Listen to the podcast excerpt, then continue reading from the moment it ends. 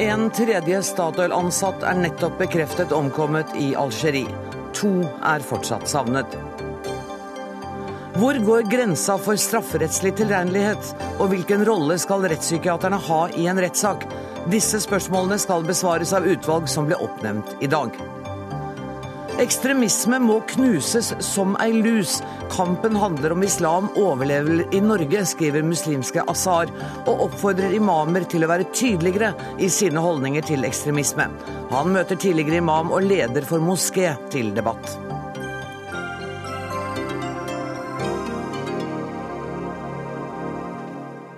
Dette er fredagsutgaven av Dagsnytt 18, der vi også skal høre at NRK legger seg flat. Vi skulle aldri ha sendt reportasjen, sier programsjef om saken som sår tvil om den journalistiske kulturen her på Marienlyst. Men først. Tre av de fem savnede nordmennene som i dag ble erklært omkommet, den siste for under en halv time siden. Tidligere i dag ble det bekreftet at Tore Beck og Thomas Snekkevik mistet livet de skjebnesvangre dagene i Amenas. Den tredje er Hans M. Bione, 55 år gammel, fra Brandbu. Jannik Lindbekk jr., informasjonssjef i Statoil, hva kan du fortelle om den tredje som nå er identifisert? Det er riktig at vi har mottatt eh, dette triste budskapet nå ganske nylig. Eh, altså at det er da tre bekreftet døde blant våre medarbeidere og to er fortsatt savnet. Når det gjelder omstendighetene rundt eh, de tre som er eh, bekreftet, så eh, har ikke vi noen informasjon om det i dag. Det vil vi komme tilbake til. Kan du si noe om når dere, få, når dere forventer å få opplysninger om de to som fortsatt er savnet? Ja, dette er et arbeid som pågår, og som er viktig. For det er klart, særlig for de pårørende, så er er det avgjørende å få en full eh, klarhet i hva som faktisk har skjedd. Og så er det viktig for oss eh, i Statoil, som jo er eh, sterkt berørt av og et selskap i sorg, å forstå hvordan dette kunne skje, slik at vi kan lære av det. Mm. Denne, disse siste ukene, og kanskje særlig dagen i dag, når dere har fått bekreftet at tre av kollegene er døde, hvordan har det påvirket konsernet i dag? Jeg tror Først og fremst så tenker vi på familiene og på uh, deres nære og venner og, og uh, hvordan de har det. Uh, dette er en veldig tung tid. Og så er vi opptatt i Statoil av å støtte, slik at vi kan stille opp på en best mulig måte for de pårørende. På en dag som denne oppleves det som brutalt, men vi skal allikevel snakke litt om sikkerhetsvurderingen. Det var en intern risikorapport fra 2010 som sier at dere vurderer områdene hvor dere selv er til stede, som lavere og, middels eh, sikkerhetsrisiko. Har dere totalt feilvurdert her? Nå er det lenge siden 2010. Mye har skjedd siden den gangen, bl.a. den arabiske vår, slik at risikobildet har endret seg. Og eh, vi gjør våre trusselvurderinger løpende. Og eh, mange forhold tas med i betraktning. Og eh, mange grundige analyser, landvurderinger eh, og både interne og eksterne rapporter inngår i det arbeidet. Så trusselvurderingene har vært langt mer oppdaterte enn 2010. Og dere, men, og dere har jo også tidligere fått konkrete advarsler blant andre fra Norges daværende ambassadør om at eh, det var konkret mulighet for terror mot utlendinger i Algerie. Agerte dere på den advarselen? Ja, la meg først bare si at Vi har jo et tett og godt eh, samarbeid med eh, norsk eh, utenriksdepartementet, både her i Oslo og i Algerie. Og eh, de er en av de viktige kildene til informasjon som vi har, i tillegg til andre. og den informasjonen som er gjort kjent gjennom UDs rapporter, det har vært en del av det underlaget som vi har benyttet når vi har gjort våre trusselvurderinger. Har tragedien som har rammet dere nå, eh, også ført til at dere har fornyet trusselvurderingene der hvor dere er i operasjon? Ja, det er riktig. Vi følger jo eh, utviklingen hele tiden. og og iverksetter tiltak deretter. Kan du Disse, si noe om hva, hvilke tiltak? Jeg kan ikke gå så veldig konkret inn på det av hensyn til at tiltakene skal virke best mulig. Men eh, det er klart at disse trusselvurderingene som vi gjør, og som spenner fra grundige studier til samtaler, møter, eh, e-postutvekslinger, for å hele tiden eh, sikre at vi har god oversikt, og hvor vi også trekker på ekstern ekspertise løpende, så har disse vurderingene inngått i det arbeidet vi har gjort for å sikre god beredskap, og for å sikre at vi tar tiltak der vi har ansvar for å gjøre det. Men så er det også viktig å huske på at sikkerheten i Algerie det har algeriske myndigheter tatt seg av, og det har vært deres ansvar. Og det er jo tungt å innse at eh, alt det arbeidet som algeriske myndigheter, andre lands myndigheter eh, og eh, Forsvaret i Algerie i Algerie har, har, gjort for å unngå terror, har, ikke har vært nok. Øystein Noreng, professor ved Handelshøyskolen BI. Når burde Statoil ha forstått risikoen ved å drive i Algerie? Altså, Det er flere elementer her. For det første, Algerie har en ganske dyster fortid, som har fortsatt eh, si, åpne sår i samfunnet. Det er uh, veldig mye bitterhet fortsatt etter en borgerkrig, etter et statskupp i 92. Og klart, her er det latent vært mange spenninger.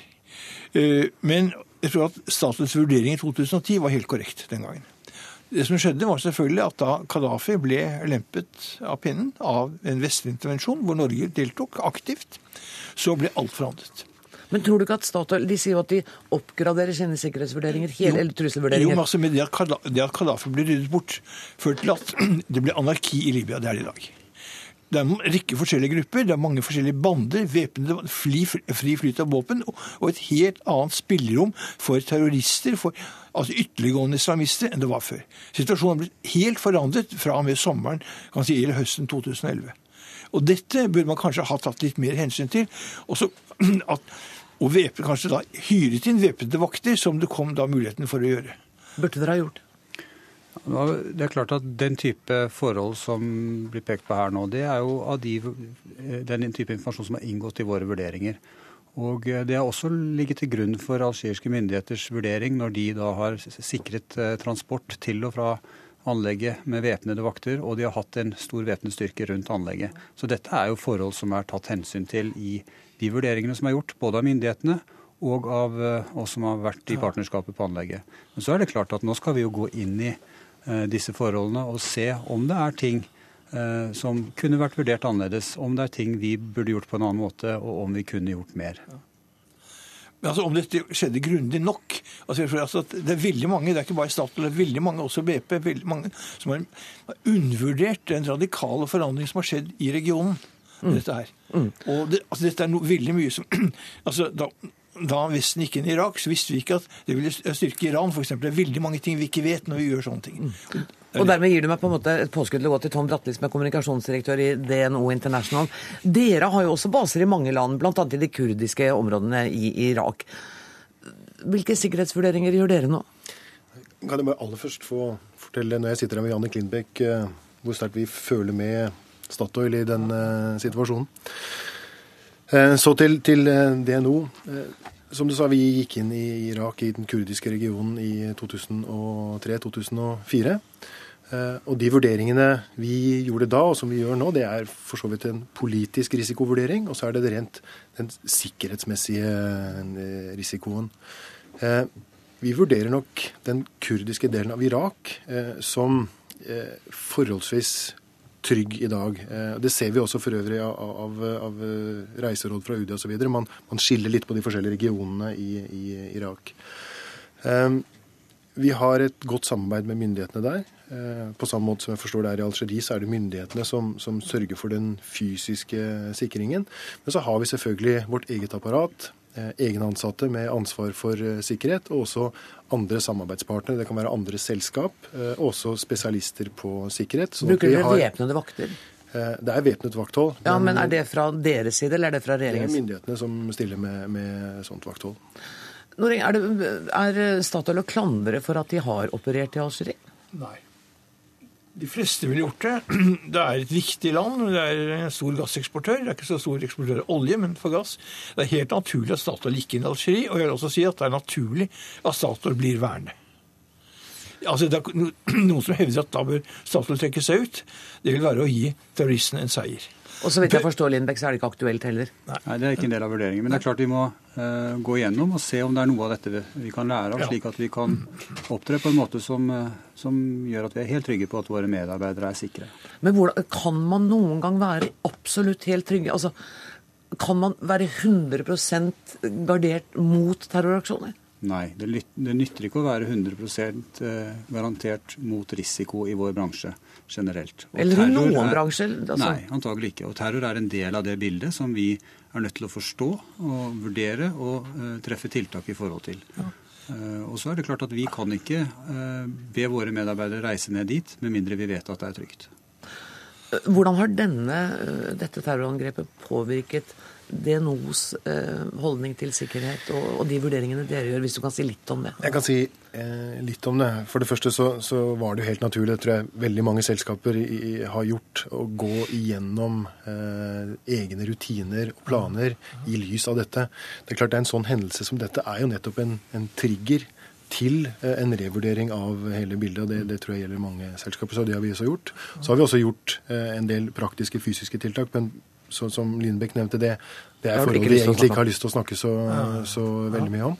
Um, og, og, så er det jo eh, på samme måte som, som Statoil sier eh, vår operasjon er i disse landene. Uh, det er ikke sånn at vi vurderer liksom å legge ned virksomheten vår pga. Uh, dette her. Våre ansatte er kurdere og jemenitter og, og altså folk som bor i disse landene, har dette som sitt arbeid. og det, det er sånn de brødfører familien sin. Så Eh, det er jo nesten ingen nordmenn til stede i disse anleggene, så vår virksomhet er eh, Midtøsten-basert. Eh, og vår strategi er fortsatt å være til stede i denne regionen, men på en så sikker måte som overhodet mulig. Og Det er jo det samme målet som Statoil og alle andre internasjonale selskaper har. Og Nore, ja. altså, det er klart at Sikkerheten er vertslandets ansvar. Mm. Det, Men du antydet jo muligheten for militær bevæpning fra selskapene altså, vi kan ikke tenke oss til å være veldig provoserende. Hvis du sender norske, britiske styrker inn der, du vil være veldig veldig uheldig. Og det er noe av det kanskje terroristene ønsker, nemlig et stort vestlig felttog inn i hele Sahara. Noe av dem ønsker det. Det er veldig mange forskjellige grupper, det er ulike mål. Men noe av det verste som kunne skje nå, er at det blir et stort felttog som vi selvfølgelig ikke vil vinne. Det er et kjempestort område. For å prøve å Cameron har sagt noe om dette. Vi skal ha et felles aksjon fra Eritrea i, i øst til Mauritania i vest. Dette må vi unngå. Vi må unngå en væpnet vestlig tilstedeværelse som vil virke provoserende. Der, men der snakker vi om et litt annen ja. problemstilling enn det vi holder på med nå. Ja. ja nei, jeg, jeg, tror også det er helt utenkelig å, og hva skal vi si, ha flere uh, væpna uh, typer vakthold. Det vi må gjøre, er selvfølgelig å samarbeide kanskje enda tettere, passe på at dette er enda høyere på dagsordenen i vår relasjon med, med myndighetene der. Uh, men jeg tror det vil definitivt ikke gjøre situasjonen noe bedre eh, om man har en miks av myndighetsstyrt eh, væpna vakthold og privat væpna vakthold. Det, det, tror jeg vi skal eh, for all del unngå. Altså. Det tror jeg du er eh, enig i, Lindbekk? At... Ja, jeg syns det er en god vurdering. Jeg tror at det er viktig og prinsipp at det er myndighetene i landet som må ivareta sikkerheten. Hvordan ivaretar dere nå de eh, pårørende etterlatte etter eh, det som har skjedd? Vi har jo hatt et pårørendesenter som, som virket frem til begynnelsen av denne uken. Og så har vi da fulgt opp eh, med kontakt direkte med de familiene som har hatt sine savnet, og også de andre familiene til de som har hatt behov for det. Tusen takk for at du kom i studio, Annek Lindbekk. Takk også til Øystein Noreng og til Tom Bratli. Hør Dagsnytt 18 når du vil, på nettradio eller som podkast. nrk.no – dagsnytt 18.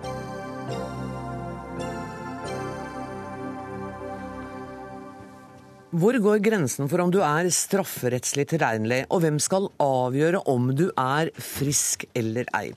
Justisminister Grete Faremo, i dag presenterte du det nye utvalget som nettopp skal gjennomgå straffelovens regler om utilregnelighet og bruken av rettspsykiatrisk sakkyndig i straffesaker. Før du begynner å snakke, skal jeg bare be Georg Fredrik Ribbemoen ta på seg hodetelefonene, så han også får med seg hva justisministeren sier. Helt konkret, hva er det du har bedt eh, Georg Fredrik Ribbemoen og de andre utvalget å arbeide med? Ja, Det er å utrede hvor grensa for eh, strafferettslig utilregnelighet skal gå. Og jeg har spissformulert meg i dag med å spørre om det har blitt for lett å diagnostisere seg bort fra straff. Har vi favna for vidt da vi fastsatte uh, utilregnelighetskriteriene i straffeloven? Har du svart deg selv på det spørsmålet? Nei, jeg har ikke det. Men jeg har tillatt meg uh, å spekulere i om diagnosen utilregnelighet vil få like stor Eh, betydning eh, som eh, det hittil har hatt, hvor det har vært tilnærma likhet mellom å bli erklært utilregnelig og være straffri. Eh, du har også bedt utvalget eh, se på hvilken rolle de sakkyndige bør få i rettspsykiatrien. Hva, hvilke provoserende spørsmål har du stilt deg i den sammenheng? Eh, det kom mange spørsmål til dette i rettssaken etter terroren 22.07. Og det gjaldt både sakkyndiges rolle og også mandatet for den rettsmedisinske kommisjonen. Mm. Og det er naturlig at dette også uh, utredes. Men jeg er trygg på at uh, sakkyndig vil fortsatt ha en viktig rolle i uh, den norske rettssalen i framtida. Den siste uka har vi i NRK avslørt at flere psykotiske drapsmenn og seksualforbrytere går fri, nettopp fordi det da er, er erklært psykotiske. Eh, og Vi har forsøkt å komme i kontakt med deg, for vi har hatt debatter om dette før. Eh, har du bedt utvalget ta fatt i denne problemstillingen også? Ja, eh, det er ikke slik at vi har avskåret dem fra den muligheten. For spørsmål om samfunnsvernet har fått for liten oppmerksomhet, er viktig å stille. Og det er også av hensyn til den alminnelige rettsoppfatning viktig å gjøre det. Men det er også naturlig å ha respekt for at uh, i Stortinget så sent som i 2002 så ble også disse spørsmålene debattert uh, mer ut fra bekymringen om man med uh, regelverket da ville bli for streng. Per Sandberg, du er leder av justiskomiteen, og du har vært i disse debattene. Er du nå fornøyd med de tiltakene justisministeren har satt i verk? Ja, Nå er jo dette bare et, et, utvalg, da. Eh, bare og bare? Ja. Og som justisministeren sjøl peker på, så har jo dette vært opp til diskusjon eh, tidligere også. Vi går tilbake til 2002. Jeg kan gå til når vi utarbeider straffeloven 2005. Eh, eh, Odeltingsproposisjon nummer 90. Jeg vil gjerne få lov til å sitere noe derifra. Gjør det! Ja, for det er litt viktig. Det er litt nysgjerrig på. Her skriver departementet hvis helsevesenet kommer til kort overfor denne gruppen, kan det spørres om denne kriminaliteten er noe samfunnet må tåle, sa departementet på det tidspunktet. Og det er klart at eh, Da stiller man, altså da var jo heldigvis eh, Riksadvokaten ute og sa at eh, det kan vi ikke akseptere. For det har noe med samfunnsvernet å gjøre. Men jeg tror at når man i departementet ikke legger føringer, men antyder at kanskje er det noe av kriminalitet samfunnet må tåle, så legger det noe på de sakkyndige, psykiatrien. Det legger noe på domstolene. For som jeg har sagt, disse 23 tilfellene som NRK har avslørt nå, de har kommet som en svær overraskelse på alle, også ekspertisen er overraska. For det handler ikke om den generelle delen i forhold til dem som detter mellom to stoler, som driver med småkriminalitet og terroriserer. Dette handler om noe helt annet. Og da er det lovanvendelsen. Eh, den tolkningen av paragraf 44 og 39 som domstolene sammen med psykiatrien bruker, som gjør at disse slipper ut. Og, så, og der trenger vi ikke noe utvalg. Her kan vi bare stramme inn de vilkårene som ligger i paragrafen der, hvis det er det domstolene må ha for å tolke loven sånn som politikerne ønsker seg av hensyn til samfunnsvernet. Farmo, vi trenger ikke dette utvalget. Samarbeidet med helsevesenet er helt sentralt. Og vi har etter at vi eh, laga et rundskriv på dette i fjor, hatt et slikt eh, tett samarbeid i mer organisert form i Oslo og ser viktige resultater komme ut eh, av det, eh, knytta til eh, også utilregnelige som har begått såkalt plagsom kriminalitet, som likevel ikke har vært alvorlig nok til å få en dom på en særreaksjon. Men jeg syns at Sandberg tar for lett på den grundige gjennomgangen som er gjort eh, både i regjering og storting, og hvor bred enighet det har vært i Norge om å anvende det medisinske. Jo, jo, men Grete, jeg skal ta det en gang til, sånn at du forstår det. Jeg snakker nå om de 23 tilfellene som NRK har avslørt her. Det er ingen politikere som hadde trodd og ant, ikke ekspertisen heller, at det skulle bli resultatet. Jeg snakker, altså At utvalget skal ta utilregnelighetsprinsippet, det medisinske prinsippet, det psykologiske prinsippet og sakkyndiges rolle i rettssalene, ja, det er jeg helt enig i. Der er utvalget på sin plass. Men når det gjelder vilkårene som ligger i loven i dag, der at domstolene og psykiatrien finner smutthull for at alvorlig kriminelle får slippe løs. Det kan vi stramme inn raskere inn i utvalget ditt. Kan vi det, Grete Farmo? Kan vi Ja, nå prøvde jeg å eh, vise til at eh, den grensedragningen mellom eh, juss og helse, samarbeid mellom politi og helsevesen, er sentralt, og at det gjøres et godt arbeid innenfor dagens regelverk for å sikre rett reaksjon. Du kan ikke si at det, du kan ikke si at det, at det gjøres en godt, god jobb når 23 alvorlig kriminelle slipper ut på gata. Drap, voldtekt. Det kan du ikke si at noen gjør jobben sin. altså. Og dette pilotprosjektet ble satt eh, på lufta for kort tid siden, og vi ser allerede en bedring i det. Og så jobber jo departementet med en egen proposisjon som gjelder den gruppa jeg nettopp nevnte i stad. Eh, De utilregnelige som eh, altså driver med kriminalitet som ikke er så Ja, vi fikk, alvorlig. ja, vi fikk, vi fikk med oss det er første gang. Jeg vil gå til eh, tidligere jeg kan si tidligere riksadvokat, tidligere sjef for fengselsstyret, tidligere høyesterettsdommer Georg Fredrik Riiber-Moen. Du skal lede dette utvalget. Det høres jo ut her som du går inn rett i et politisk vepsebol. Ja, det må jeg kanskje i noen grad gjøre. Men eh, jeg konstaterer bare at eh, ikke, Jeg skal ikke snakke meg om berettigelsen av utvalget, bare kort og godt at vi har fått det oppdraget. Eh, Og, det betyr at vi må se på disse spørsmålene, og jeg inkluderer i dette mandatet, slik jeg forstår det, også som justisministeren nå var inne på, at vi skal se på vilkårene for å idømme denne særreaksjonen, som har fått et eh, ganske riktig et snevert anvendelsesområde i Norge. Ja, for det er vel, som Sandberg sier, uakseptabelt at det går fritt på gata 23 mennesker som er dømt for alvorlig kriminalitet.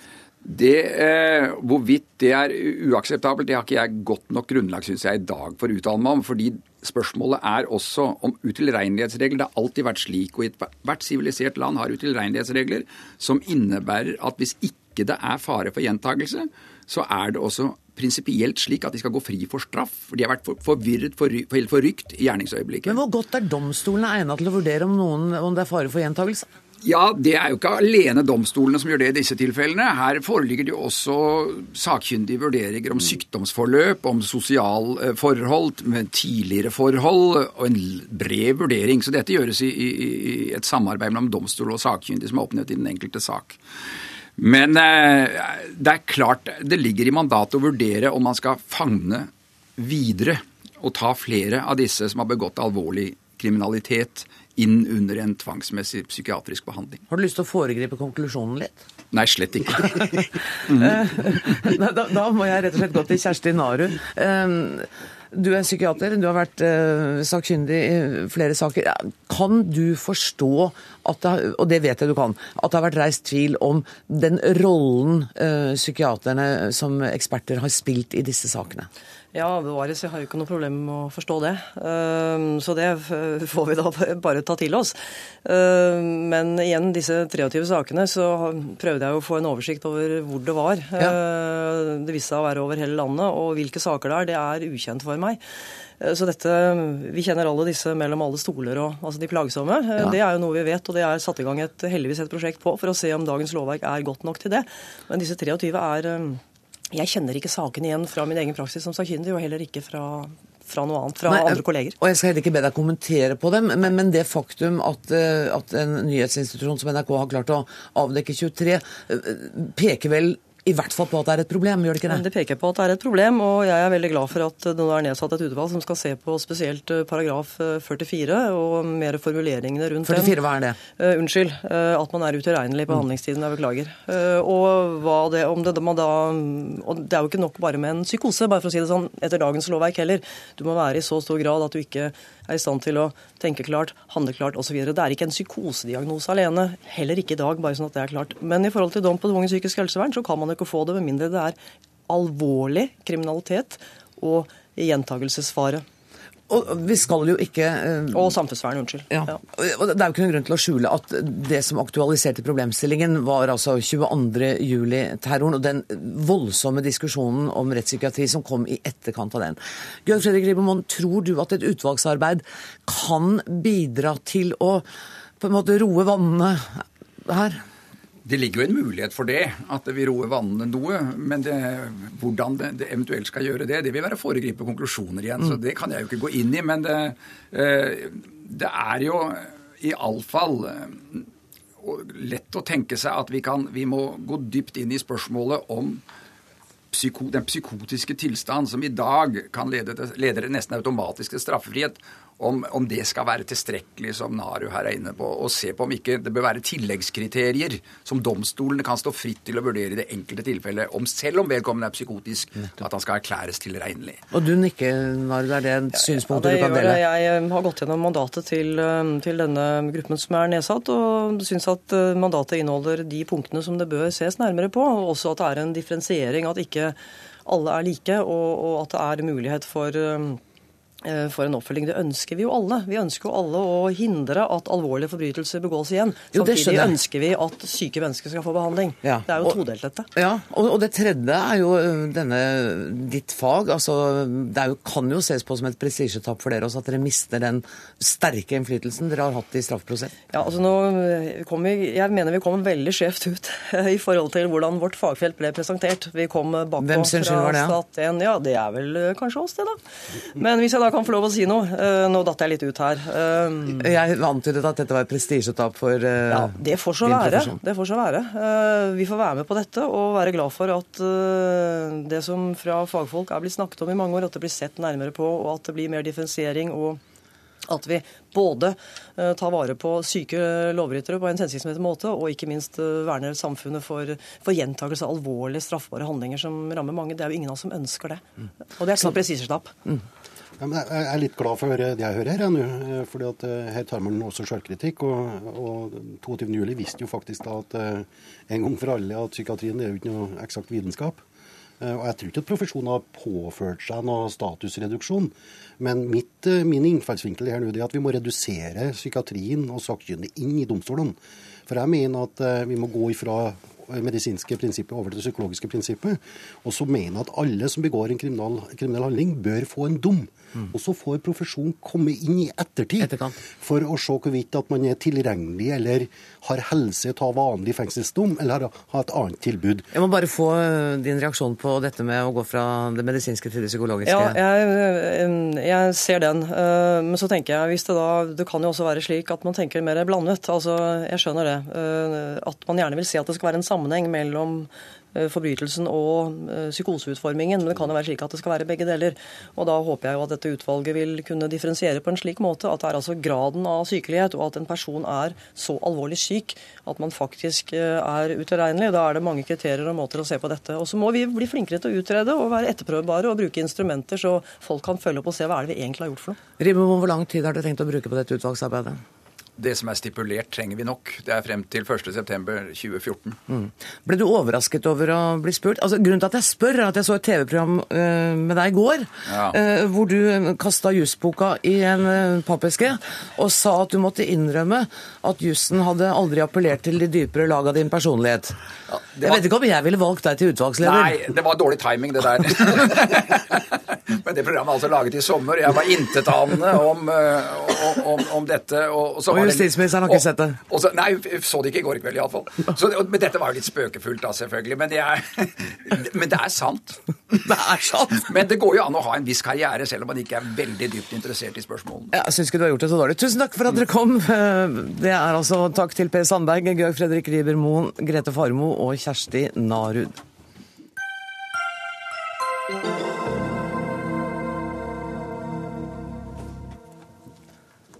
22.07-kommisjonens rapport ble svært godt tatt imot av politikere, så vel som pressen da den ble overlevert i august.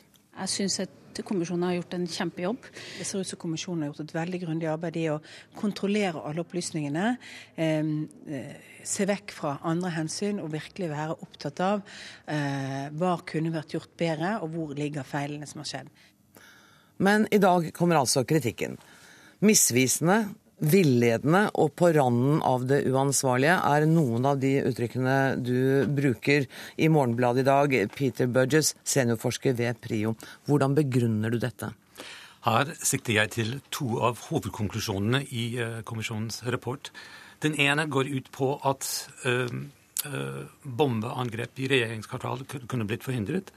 Det andre går ut på at dersom politiet hadde reagert raskere, så kunne eh, gjerningsmannen blitt stanset. Begge disse påstandene er hypotetiske. Vi vet ikke om det er sant eller ikke. I Grubegata, hvis det hadde vært sperret, er det veldig sannsynlig at han, eh, gjerningsmannen hadde funnet et annet mål. På Utøya så vet vi ikke hvordan han hadde reagert hadde politiet kommet raskere. Samtidig ber kommisjonen pårørende leve med den uvissheten, og de begrunner da skyld- og ansvarsspørsmål av disse. Du skriver at rapporten har et, en rent byråkratisk tilnærming, og at den citat, 'legger ikke til rette for annet enn byråkratisk helbredelse'. Forklar. Med dette altså mener jeg at den går ut ifra at terrorismen er en teknisk-byråkratisk problem som bare har teknisk-byråkratiske løsninger. Den ser helt, ser helt bort fra samfunnet, fra folk flest. Hvordan folk flest viser robusthet, hvordan de reagerer. Her kan vi ta eksempler av de, eh, de folk i de eh, campingturistene ved Utøya som reagerte spontant og uten byråkratisk veiledning og, og reddet mange liv. Mm. Mener du at denne rapporten på noen måte er skadelig for det arbeidet som skal gjøres for å hindre at dette skal skje igjen? Tvert imot. Jeg har stor respekt for rapporten. Jeg synes den, den er veldig grundig i den det foretar seg, og vil føre til utbedring, forbedring i både krisehåndtering og beredskap. Men det burde blitt eh, supplert med mer hensyn til samfunnets, samfunnets reaksjon og samfunnets evne til å verne om seg selv. Du skriver også, eller Kommisjonens mandat var å evaluere for å avverge og møte eventuelle fremtidige angrep, samtidig som en tar vare på sentrale verdier i det norske samfunnet som åpenhet og demokrati. Syns du de har lykkes med dette perspektivet? Jeg synes i stor grad kommisjonen har lykkes. Men samtidig også hvordan folk flest kunne vært en ressurs i den, dette arbeidet, har de ikke tatt stilling til. Kommisjonens leder Alexandra Bekkegjørv kunne dessverre ikke delta i Dagsnytt 18 i dag, men hun sier til Morgenbladet at du slår inn åpne dører, og at du har rett i at gjerningsmannen kunne valgt andre mål om Grubbegata var stengt, men hun mener at de heller aldri har sagt noe annet. Det merkelige da er at dette står likevel som en hovedkonklusjon. Så du mener at har, der tar hun bare feil? Det er inkonsistent, iallfall der de siteres i rapporten 450, 450 side 450 var det vel. Mm. At dette var sant, så likevel går de fram med den hovedkonklusjonen i store bokstaver på, på forsiden at dette kunne blitt hindret. Da eh, rapporten kom og var blitt lest av våre ledende politikere, så satt daværende utenriksminister Jonas Gahr Støre i dette studioet og sa at denne rapporten bør leses av alle eh, ansatte på norske utenriksstasjoner. Um, har vi brukt den for mye som en fasit, som den eneste sannheten? Det har vi gjort. og Det er også kritikk inntil Anders Rommerheim og jeg har kommet med dette nå, har vært fraværende. Der var du introdusert, Anders Sommerheim, forsker ved Institutt for forsvarsstudier. Du har også eh, reagert på 22.07-rapporten og måten den har blitt behandlet av presse og politikere. Men du har en litt annen innfallsvinkel? Ja, det er kanskje riktig å si at jeg, min kritikk av eh, rapporten er mer på rapportens premisser. Eh, jeg aksepterer i større grad at det, det er en mer rasjonalistisk tilnærming. Jeg, jeg, mener at et byråkrati var noe av problemet med stengingen av Grubbegata. Var eh, i veldig sendrektighet og, og mangelfull styring. Ingen som skar gjennom. La meg stoppe deg litt, for, men er du ikke enig med Budgies i at, at det er vanskelig å si at om Grubbegata hadde vært stengt, så ville det ikke ha skjedd. Ja, det, det, poenget følger jeg det på.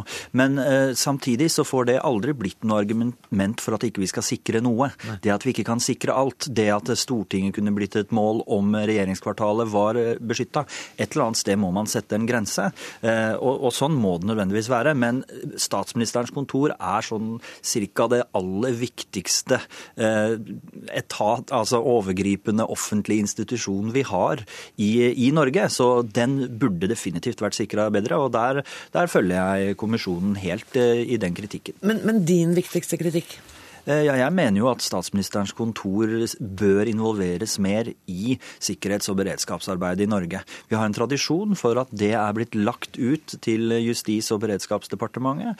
Og da kommer hele tida eh, henvendelsene sånn horisontalt fra et departement til et annet. Og det blir et annet tyngde i pålegg hvis de kommer fra oven.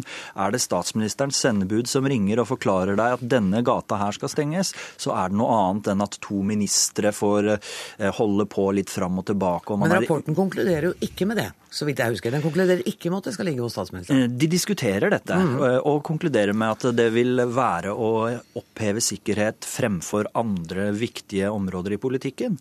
Og det er en eh, fair holdning, men jeg står for det motsatte syn. At det å sikre borgernes ansvar, det er viktigere enn alle andre oppgaver staten har. Det er, det er det første minimumskravet for at vi skal være For samfunnskontrakten er at staten ser etter vår eh, borgernes sikkerhet.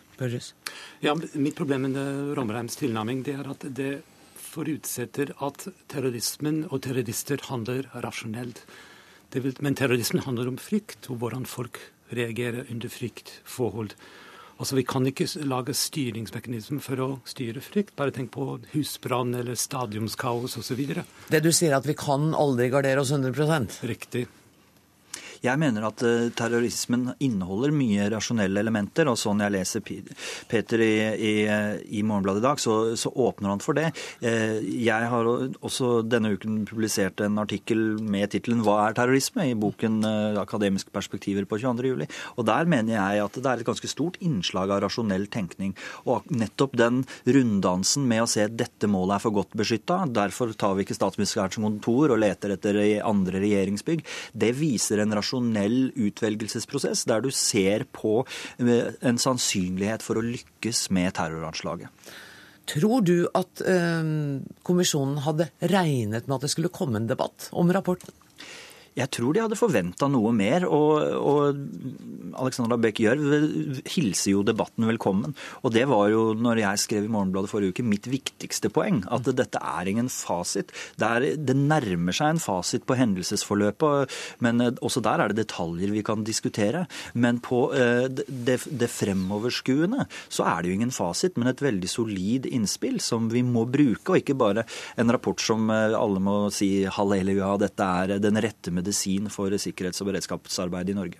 Men vi bør lese den for å forstå og for å kunne delta i debatten. Tusen takk for at dere kom, eh, Peter Burgess og Anders Romare.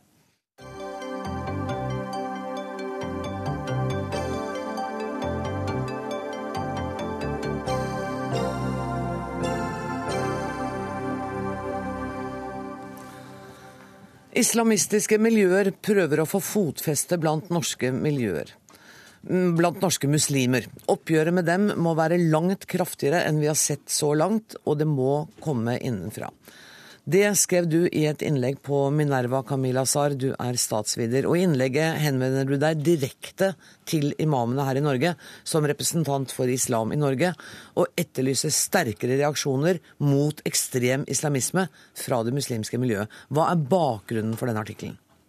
Bakgrunnen er vel strengt tatt at man stadig hører fra denne grupperingen som er definert som eh, profetens umma, eh, som irriterer eh, mange meg, som meg og mange rundt meg.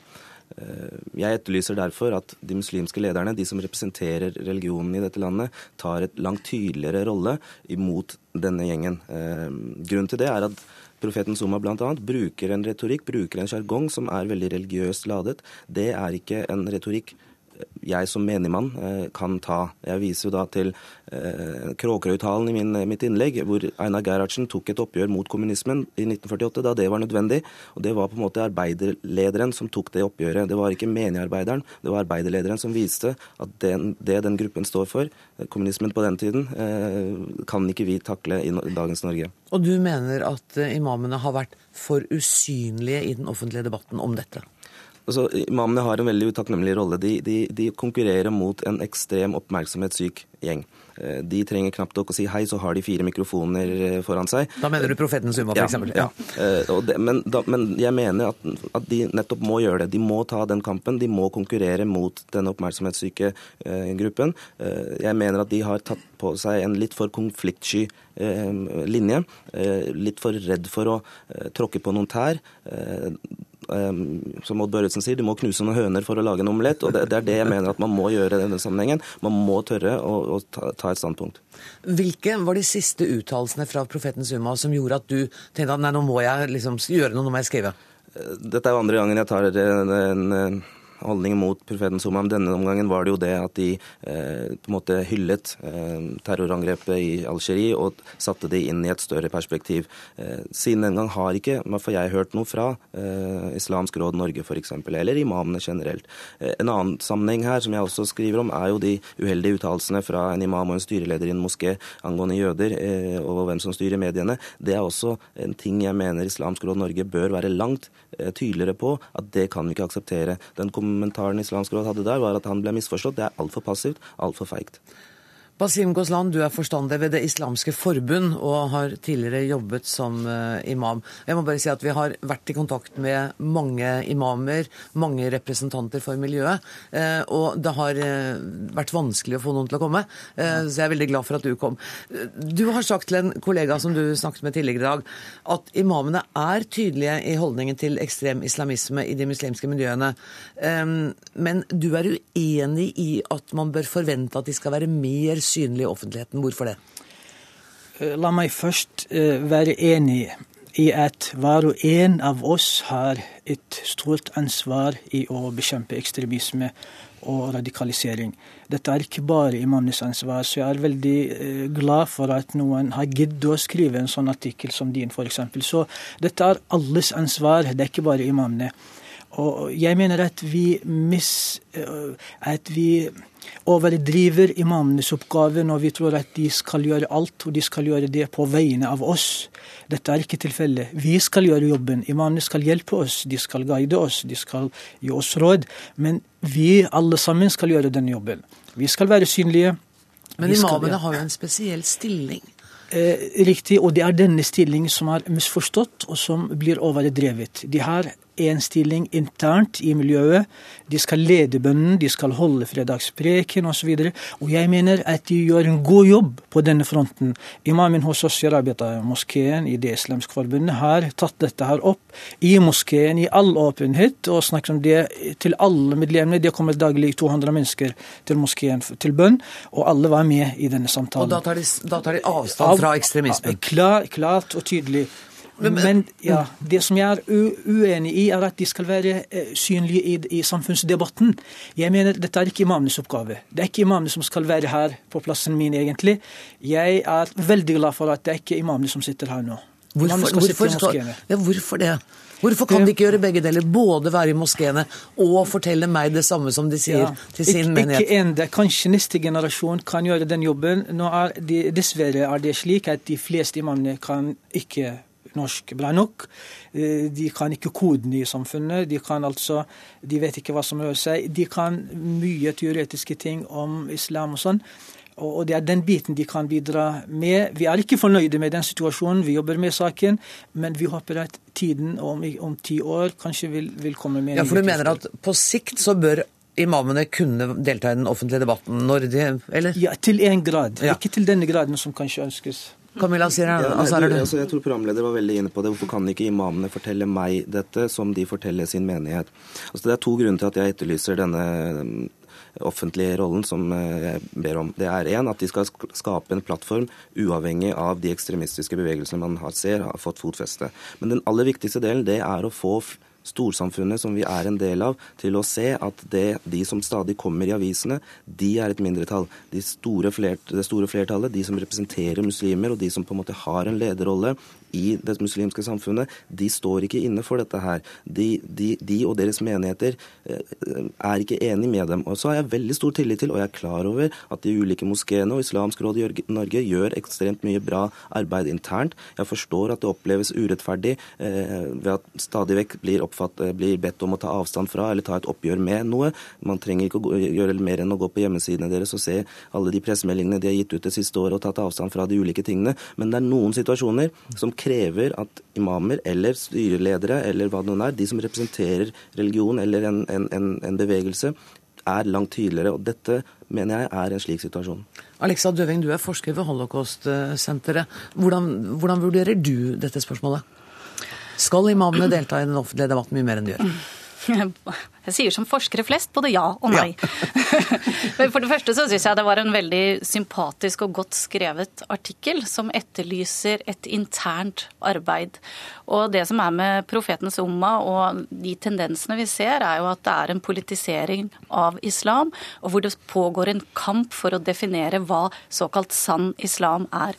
Og en hovedkjerne i den fortellingen fra profetens umma er å skape et sånn, en forestilling om at det er en uforenlig kløft mellom Vesten og islam. Og den hovedfortellingen der er det veldig viktig at mange muslimer i Norge går inn og, og forteller en annen historie. Og det har vi jo massevis av eksempler på i norsk offentlig debatt, ikke minst i de hijab-debattene vi har hatt, hvor muslimske eh, kvinner har stått fram og sagt at vi vil jobbe i en sekulær stat som respekterer menneskerettigheter, men vi vil ha retten til å vise at vi er muslimer. Så vi har mange eksempler på helt andre stemmer enn profetens Omma-stemmene. Men jeg er veldig enig i at de må motarbeides, for de får, som han sa, ikke bare fire mikrofoner, men ti med en gang de åpner munnen. Er det en kritikk av mediene her også? Altså, Jeg har fulgt nøye med på mediedebattene, og generelt så har det vært en enorm bedring når det gjelder medienes dekning av og presentasjon av og rommet de skaper for islam. I de siste fem årene har det vært en rekke nye stemmer. Journalistene kan mye mer om islam, og eh, i de muslimske miljøene er det som sagt også kommet mange nye, sterke stemmer. Så mangfoldet er mye større i mediene. Men det er et element av mediekritikk her. Da Islamsk Råd Norge arrangerte en demonstrasjon mot eh, den amerikanske Eller den filmen den siste Mohammed-filmen, så førstesiden på Aftenposten var de 150 utenfor den amerikanske ambassaden, og ikke alle de tusen som sto på Youngstorget. Så selvfølgelig, mediene har også et ansvar her. Men jeg skjønner jo også at det er en interesse i å følge med på de ekstreme og radikale stemmene, og det skal man også gjøre. Men, men tilbake til imamspørsmålet. Ja, det er det du helt sikkert vil.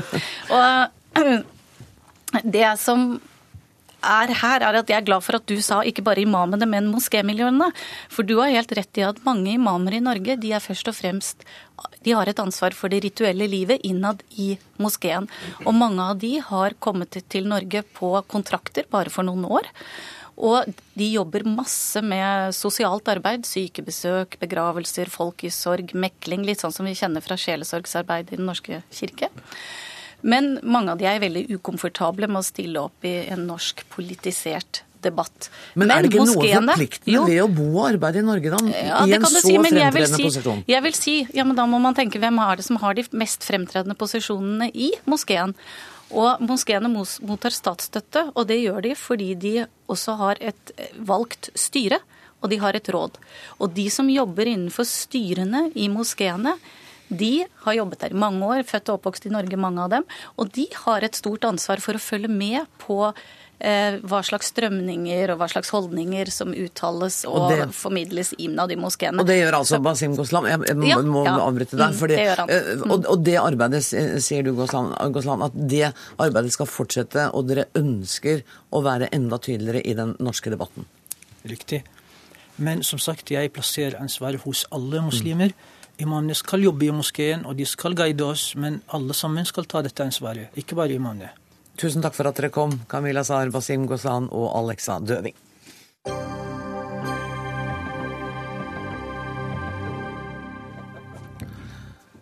Lørdag 12. januar brukte Dagsrevyen åtte minutter på en reportasje hvor viktig informasjon var utelatt. En romkvinne fremstilles som offer for norske fordommer, uten at det blir opplyst at hun er dømt for medvirkning til voldtekt av datteren. Andre medier har omtalt saken, og NRK har beklaget at saken ble sendt. Om noen minutter eh, kommer beklagelsen til å bli gjentatt i eh, NRKs eh, hovednyhetssending Dagsrevyen. Per Arne Kalbakk, programsjef her i NRK. Hvorfor har det tatt så lang tid å bestemme seg for at vi skal beklage dette i vår egen viktigste nyhetssending? 13 dager. Det er ikke fordi vi ikke mener vi har gjort en feil, for det har vi jo sagt klart og tydelig, og det har vi også beklaget. Men så er det sånn at noe av det en redaksjon gjør når man mener man har gjort feil, er å ta kontakt med de som har blitt skadelidende av feilen. Så vi har vært i en dialog særlig med bistandsadvokaten til datteren til denne kvinnen, eh, for å se om det var noe vi kunne gjøre for å rette opp dette inntrykket. Eh, og det har vi da holdt på med gjennom denne uka. Så har hun i dag eh, bestemt seg for å klage oss inn til Pressens faglige utvalg, men vi mener likevel at det er riktig å beklage den feilen vi selv mener vi har begått, i vår egen sending, mens folk fortsatt husker saken. Fordi folk som uh, ikke hører Dagsnytt 18 nå, og som kan, kanskje bare hører det som blir opplyst i Dagsrevyen, vil jo tro at dere i 13 døgn har gravd huet ned i sanda og håpet at kritikken skulle legge seg. Ja, og det er godt mulig, men så er det jo viktig å huske på at kritikken har jo ikke vart i, i 13 døgn. Den startet jo, ja, så vidt jeg vet, med, med, en kommentar i Dag og Tid av Jon Hustad sist fredag. Mm.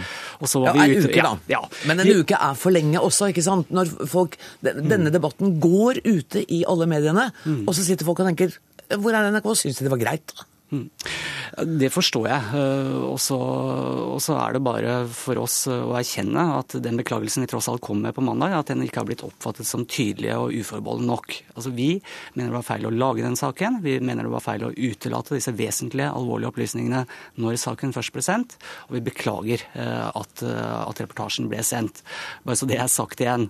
Og så er det sånn at når de ikke har blitt oppfattet tydelig nok, så må vi bare ta det til oss og være tydeligere hvis det Forhåpentligvis blir ikke det nødvendig en annen gang, eh, men hvis det blir nødvendig at vi er tydelige. Men grunnen til at vi har brukt tid på hva vi gjør selv i vår egen sending, er nettopp det at vi har hatt den dialogen med de som har blitt skadelidende, som presseetikken sier at vi skal ha. Og eh, da har vi syntes at det har vært, eh, vært redelig å, å bli ferdig med den før vi bestemte hva vi gjør i vår sending.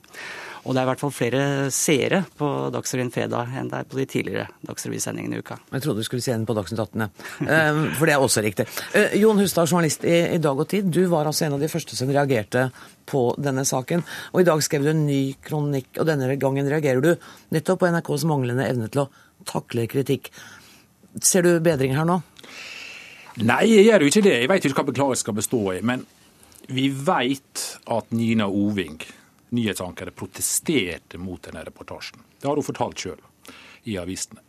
Vi vet videre at den likevel ble sendt. Vi vet videre at ingenting skjedde den første veka. Ingenting skjedde før jeg skrev om dette. Vi vet videre at det, den påfølgende Lørdagsrevyen ikke korrigerte dette. Jeg sitter med en veldig uggen følelse av at hadde ikke jeg skrevet om dette, så hadde ingenting skjedd. Er det riktig, Og, og dette er, for å sitere Andreas Wiese i Dagbladet, en grotesk sak for NRK.